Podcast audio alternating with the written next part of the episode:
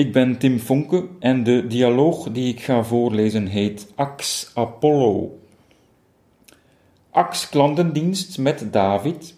Dag David, Tim Fonke hier. Ik bel in verband met jullie douchegel Ax Apollo. De Apollo, ja. Je weet wie ik ben? Hoe was de naam? Tim Fonke. Fonke. Nee, sorry. Ik ben het middelpunt van het universum. Ik heb u even gegoogeld. Ik zie dat u schrijver bent. Dat was ik tot voor kort. Toen kwam de ax Apollo in mijn leven en sindsdien ben ik dus het middelpunt van het universum. Ah, u verwijst waarschijnlijk naar uw roman God is klein geschapen. God, universum. Stop met mij te googelen, David, dat is te veel Tim Fonke in één telefoongesprek.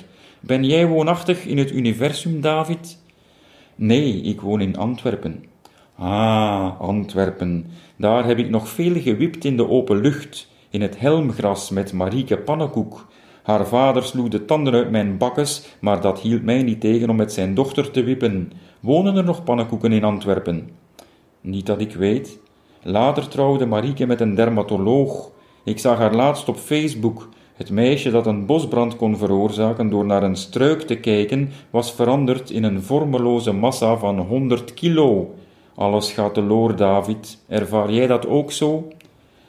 Eerlijk gezegd kan ik u niet zo goed meer volgen, meneer Fonke.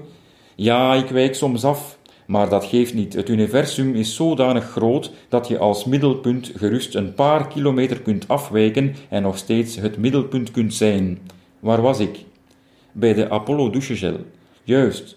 Wel nu, volgens de verpakking is de Apollo, en ik citeer, een showergel met een buitenaardse geur die jou het middelpunt maakt van het universum, dermatologisch getest.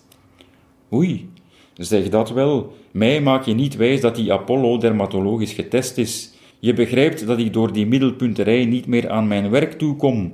Ik zit met opdrachten en deadlines, David, maar ik zit dus ook met die buitenaardse geur.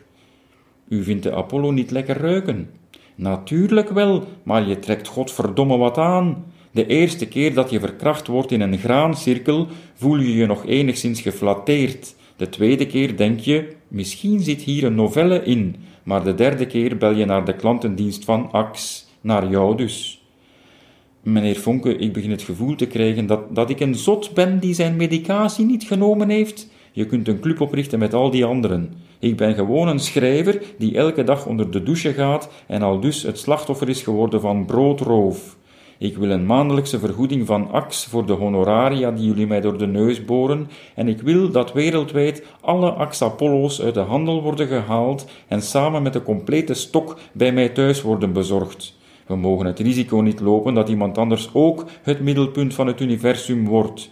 Stel je voor dat het een clown is die het hoog in zijn bol krijgt. Dat zou een humanitaire ramp zijn, David. Noteer je even mijn adres en rekeningnummer?